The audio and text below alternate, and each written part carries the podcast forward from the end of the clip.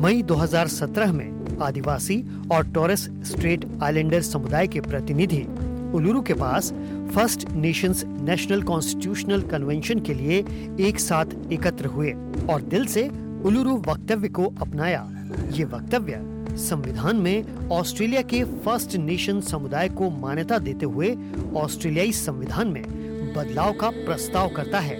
सच्चाई, न्याय और आत्मनिर्णय के आधार पर आगे का रास्ता बनाता है।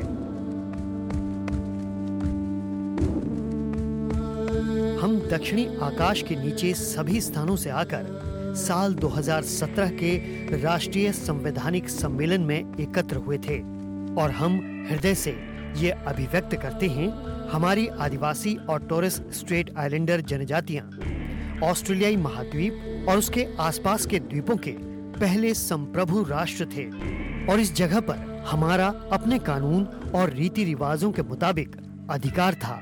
ये हमारे पूर्वजों ने इसकी उत्पत्ति से चली आ रही हमारी संस्कृति के मुताबिक किया था। यह अति प्राचीन काल से चले आ रहे सामान्य कानून और साठ हज़ार साल पुराने विज्ञान के मुताबिक था। ये संप्रभुता एक आध्यात्मिक धारणा है।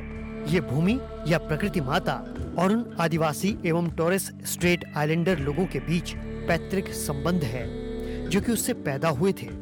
उससे जुड़े रहे हैं और जिन्हें एक दिन हमारे पूर्वजों के साथ एकजुट होने के लिए वापस चले जाना है। ये संबंध सूत्र मिट्टी के स्वामित्व का आधार है, या बेहतर शब्दों में, संप्रभुता का। इसे कभी भी त्यागा या समाप्त नहीं किया गया है। और ये क्राउन की संप्रभुता के साथ सह अस्तित्व में है। ये किसी और रूप में हो भी कैसे सकता है? उन लोगों के पास ये भूमि साठ सहस्त्राब्दियों से थी और ये पवित्र कड़ी मात्र पिछले 200 वर्षों में विश्व इतिहास से गायब हो गई।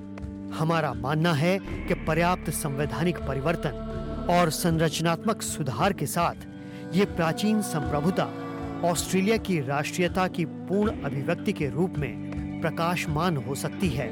आनुपातिक रूप से इस ग्रह पर कारावासों में रखे गए लोगों में हमारी संख्या सबसे अधिक है। हम स्वभावतः अपराधी लोग नहीं हैं। हमारे बच्चों को अभूतपूर्व संख्या में उनके परिवारों से अलग कर दिया गया है। ये इसलिए नहीं है कि हमें उनसे कोई प्रेम नहीं, और हमारे असंख्य युवा कारावासों में मुरझा रहे हैं, जबकि वे हमारे भविष्य की आशा होनी चाहिए थे। हमारे संकट के ये पहलू स्पष्ट रूप से बताते हैं कि हमारी समस्या संरचनात्मक तौर पर कितनी जटिल है। ये हमारी शक्तिहीनता की पीड़ा है। अपने लोगों को समर्थ बनाने और हमारे अपने देश में एक उचित स्थान प्राप्त करने के लिए हम संवैधानिक सुधार चाहते हैं।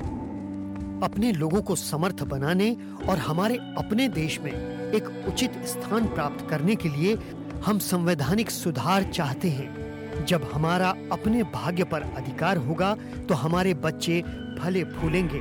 वे दो तरह की दुनिया में विचरण कर पाएँगे और उनकी संस्कृति, उनके देश के लिए उपहार होगी। हम फ़र्स्ट नेशंस की आवाज़ की स्थापना और उसे संविधान में प्रतिष्ठापित किए जाने की मांग करते हैं। मैकराटा हमारे एजेंडे का चरम बिंदु है। संघर्ष के बाद एक साथ आना, यह ऑस्ट्रेलिया के लोगों के साथ निष्पक्ष और सत्यतापूर्ण संबंध और हमारे बच्चों के लिए न्याय और सौभाग्य निर्णय पर आधारित बेहतर भविष्य के लिए हमारी आकांक्षाओं को अभिव्यक्त करता है। हम सरकारों और फ़र्स्ट नेशंस के बीच समझौते की प्रक्रिया की निगरानी के लिए और अपने इतिहास के बारे में सच्चाई बताने के लिए मैकराटा आयोग चाहते हैं। उन्नीस सौ सड़सठ में हमारी गणना हुई थी।